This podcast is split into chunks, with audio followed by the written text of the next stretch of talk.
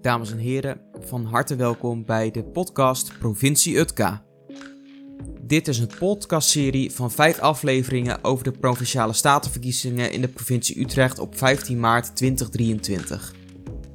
De podcast is gemaakt door Erwin Kamp, kandidaat voor D66 provincie Utrecht, plaats 3 op de kandidatenlijst. Het doel van de podcast is om de luisteraar informatie te geven over wat de provinciale staten doet, welke thema's er spelen en hoe de provincie werkt. Daarnaast geeft Erwin informatie over zijn motivatie om politiek actief te zijn, blikt hij terug op vier jaar statenlidmaatschap en gaat hij in op twee onderwerpen die hem in het bijzonder bezighouden: fietsen en wandelen. Dit is de podcast Provincie Utka.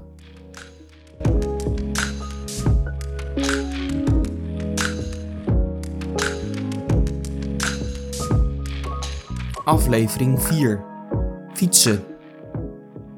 Als er iets is uh, wat Nederland kenmerkt, dan is het wel uh, het fietsen en de fiets.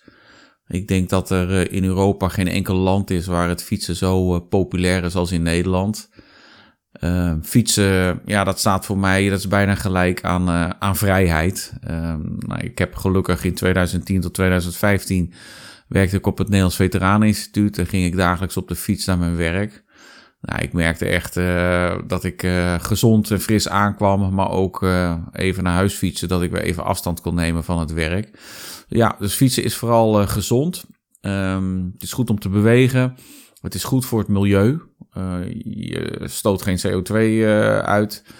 Um, en daarnaast is het denk ik ook goed voor je portemonnee. En de fiets neemt ja, minder ruimte in in de publieke omgeving. Um, dus ja, ik ben een uh, vervent fietser. Uh, ik kan het niet vaak genoeg zeggen. Uh, ik zou het nog veel vaker willen doen. inmiddels is mijn werk verplaatst naar de Frederik-kazerne. Nou, ik wil dan nog wel eens in Den Haag de fiets pakken naar het centrum van Den Haag als ik naar het ministerie moet. maar goed, het fietsen van Doren naar Den Haag, dat is net weer even te ver. Maar ik moet eerlijk zeggen, ook in de vrije tijd maak ik uh, graag gebruik van de fiets. En als ik bijvoorbeeld naar een politieke avond ga voor D66, dan probeer ik ook zoveel mogelijk op de fiets te gaan. Ja, te vaak hoor ik toch uh, de opvatting dat mensen zeggen of je bent voor fietsen of voor autorijden. Nou, ik vind dat een beetje een uh, oneigenlijke tegenstelling. ik denk dat, dat beide noodzakelijk zijn voor mobiliteit dus uh, het is niet een keuze of het een of het ander. Uh, natuurlijk willen we wel, eh, en ik zeker, het fietsen stimuleren. Maar je hebt beide mobiliteitsvormen nodig om je te verplaatsen. En ik denk bijvoorbeeld heel vaak aan de mensen die op het platteland wonen. Ja, die kunnen niet altijd de fiets pakken. Dus nou ja, het is denk ik heel belangrijk om je te realiseren dat het niet het een of het ander is. Um, en daarnaast moeten we ook bedenken dat uh, als het gaat om autorijden, hè, dat uh, we ook bezig zijn met de transitie van fossiele brandstoffen naar elektrisch rijden. Uh, dus ik wil de auto niet wegzetten en ook niet een tegenstelling maken tot het fietsen. Al ehm, ja, vind ik wel dat mensen ook wel een keuze kunnen maken als ze dat doen om dan toch vaker de fiets te pakken. In de tijd dat ik in de gemeenteraad zat van de Utrechtse Heuvelrug heb ik een eh, plan ontwikkeld voor de ontwikkeling van het fietspad van de toekomst. Dat was omstreeks 2015. Uh, waren we al vroeg bij om aandacht te vragen voor de fiets. Uh, het fietspad van de toekomst loopt over het traject langs de N225, de Provinciale Weg, tussen Utrecht en Wageningen. Ik noem die weg ook wel eens de kennisas. Uh, het is een van de mooiste buslijnen waar, uh, die door uh, Nederland lopen, lijn 50. Maar de bedoeling is om op dat fietspad, er loopt namelijk al een fietspad langs de provinciale weg, om daar een fietspad te maken wat veilig is ehm, en wat ook heel aantrekkelijk is om te fietsen. Dus ik heb een idee ontwikkeld om langs dat fietspad verschillende trajecten experimenten uit te voeren. Uh, dat doet niet alleen de lokale en de provinciale overheid, maar het liefst doen we dat ook met instellingen die langs dat traject gevestigd zijn. Uh, veel mensen realiseren zich dat niet, maar uh, langs de N225, het fietspad van de toekomst, ligt bijvoorbeeld het Wereld Natuurfonds, de Triodosbank, de KNMI, het TNO, de IVA. En dat zijn nou juist net allerlei organisaties, instellingen die zich met transport bezighouden, duurzaamheid, energietransitie. Uh, die willen ook vergroenen. Dus het is eigenlijk ook een uitnodiging aan die instellingen om mee te denken hoe het fietsen aantrekkelijker gemaakt kan worden en ook het fietsgebruik te stimuleren. Ja, dat fietspad is dus belangrijk voor allerlei innovaties. En de afgelopen periode, de afgelopen vier jaar, hebben er ook een aantal experimenten plaatsgevonden. Uh, wat je ziet bijvoorbeeld is dat je langzaam fietsverkeer en snel fietsverkeer krijgt hè, door gebruik van de uh, speed pedelec, maar ook de elektrische fiets. En hoe mooi zou het zijn als je bijvoorbeeld een strook krijgt voor mensen die snel willen fietsen en mensen die langzaam willen fietsen, zodat ze geen gevaar voor elkaar vormen. Uh, wat je ziet is dat die fietspaden tot nu toe vooral vaak uh, niet breed genoeg zijn. Dus we hebben daar een, uh, een proef mee gehad met een blauwe strook. en daarnaast is er een proef gedaan bij Remmerde met het aanleggen van zonnepanelen in het fietspad. En er is een derde proef geweest met windvalen met ja, windbomen.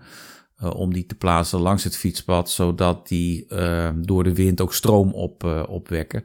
Maar ik kan me voorstellen dat veel meer mogelijk is. Want ja, wil je het fietsen aantrekkelijk maken, dan moet je denk ik ook de doorstroming bevorderen. Nou, een van de dingen, want ja, dat fietspad loopt best door een aantal dorpen heen, waarop bijvoorbeeld ehm, fietspalen eh, of, of stoplichten zijn.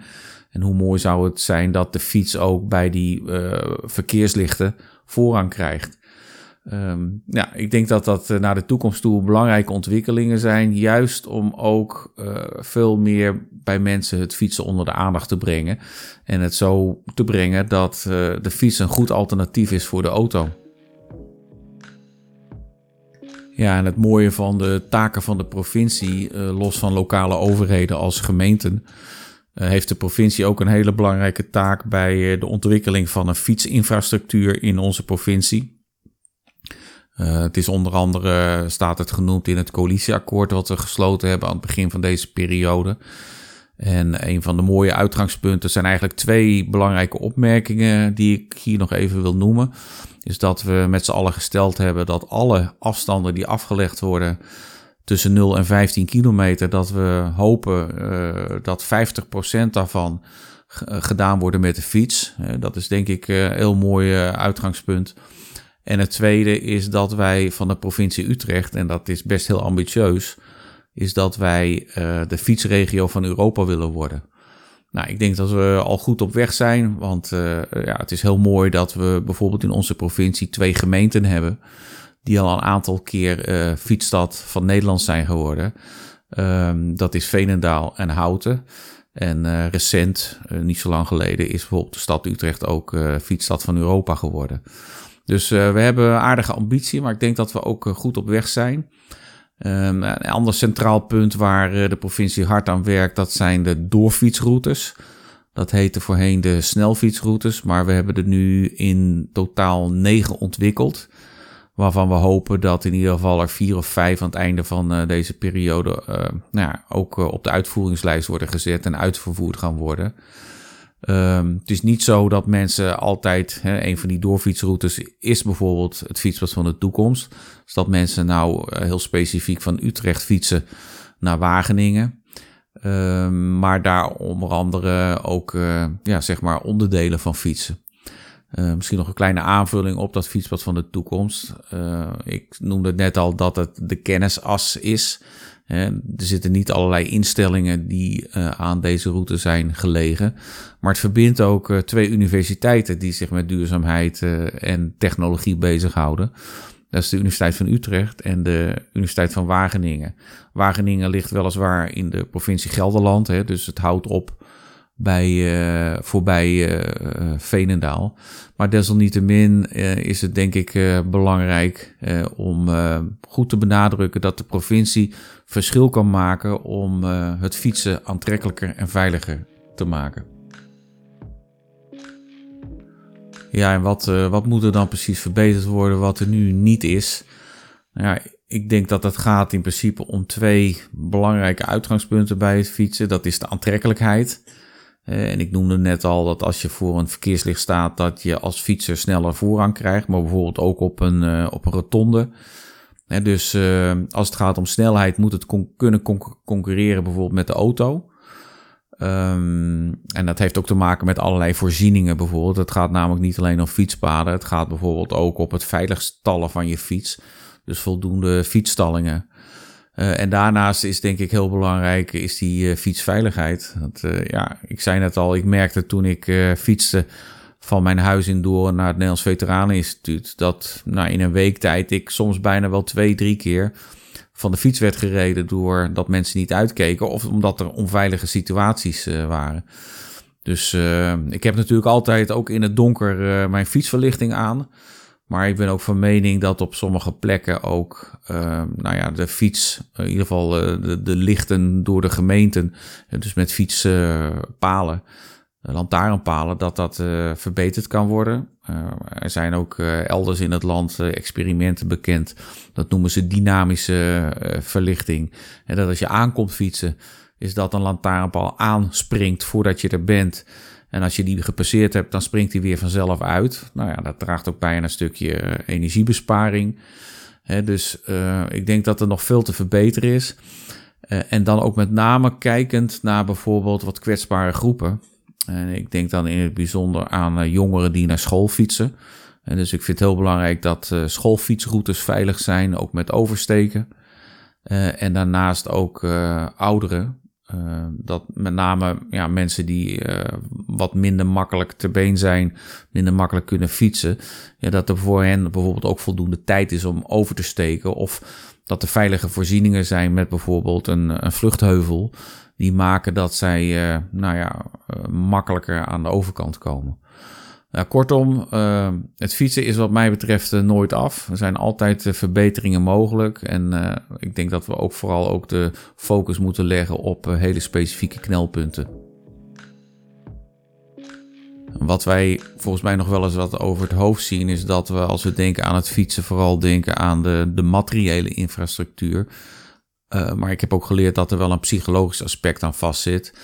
Want uh, ja, het lukt niet altijd zomaar om mensen op de fiets te krijgen uit de auto. En uh, ik denk ook dat het goed is dat bij het ontwikkelen van bepaalde projecten, dat we dat ons voldoende realiseren. Um, niet via dwang. Hè. Ik ben niet voor dwang. Ik denk dat je mensen moet verleiden om op de fiets te stappen. Um, dat zal soms ook moeilijk zijn als het regent. Hè, want ja, als ik naar buiten kijk en ik zie dat het plenst, dan is het natuurlijk ook heel verleidelijk om, uh, om de auto te pakken, want dan zit je droog. Uh, maar misschien kan dat verbeterd worden door bijvoorbeeld ook, uh, want ik heb ook wel gemerkt toen ik naar het Veteraneninstituut fietste, dat het heel fijn is als er bijvoorbeeld in uh, bedrijfsgebouwen of instellingen ruimte is om je om te kleden, om te douchen. Um, dus ja, ik, ik, ik, realiseer me heel goed dat er ook een psychologisch aspect aan het fietsen zit. Uh, en dat dat uh, iets waar we, is, is waar we wel degelijk rekening mee moeten houden. En misschien ook wel aandacht voor moeten vragen in fietscampagnes. Ja, ik wil tijdens mijn campagne voor de Provinciale Statenverkiezingen van 15 maart aanstaande... wil ik ook heel duidelijk aandacht vragen voor de fiets. in ieder geval één zaterdag ga ik daar ook daadwerkelijk mee aan de slag uh, op 11 maart. En de bedoeling is dan dat ik een stuk ga fietsen met mensen die het leuk vinden om mee te fietsen. Van Doren naar Renen. D66 heeft bestuurlijk ook een samenwerking met uh, de gemeente Renen. Maar zeker op dit traject liggen een aantal belangrijke knelpunten waarvoor ik aandacht wil vragen. En dat is los van de breedte van het fietspad. Een heel storend knelpunt is het kruispunt in Doren. Dus met name als je vanuit Leersum richting Driebergen fietst, is dat fietspad veel te smal. dat levert heel vaak gevaarlijke situaties op. Dus ik denk dat daar een, een oplossing voor moet komen. Ik heb overigens gehoord dat de provincie daar ook met de gemeente aan werkt. Maar fiets je verder door, dan fiets je richting Leersum. Nou, het fietspad daar door het bos kan wat mij betreft wel wat breder. Maar je passeert automatisch als je Leersum infietst de Donderbergentonnen. En dat is al jaren een hot issue. gelukkig hebben we met de inwoners van Leersum uh, bike kunnen aanleggen. dat betekent dat er een systeem in de weg zit als automobilisten aankomen rijden. En er komt een fietser aan dat automobilisten worden gewaarschuwd met lampjes in het asfalt. Uh, maar de vraag is of dat natuurlijk genoeg is. Uh, want ja, niet alleen in Leersum speelt de veiligheid van fietsers een rol, maar ook de doorstroming uh, van automobilisten die naar de A12 willen. Ja, dat conflicteert heel vaak. Dat zie je met name in de ochtend als heel veel scholieren daar langs fietsen. We hebben ons ingezet om te kijken of daar via onderzoek een tunnel mogelijk is, een fietstunnel.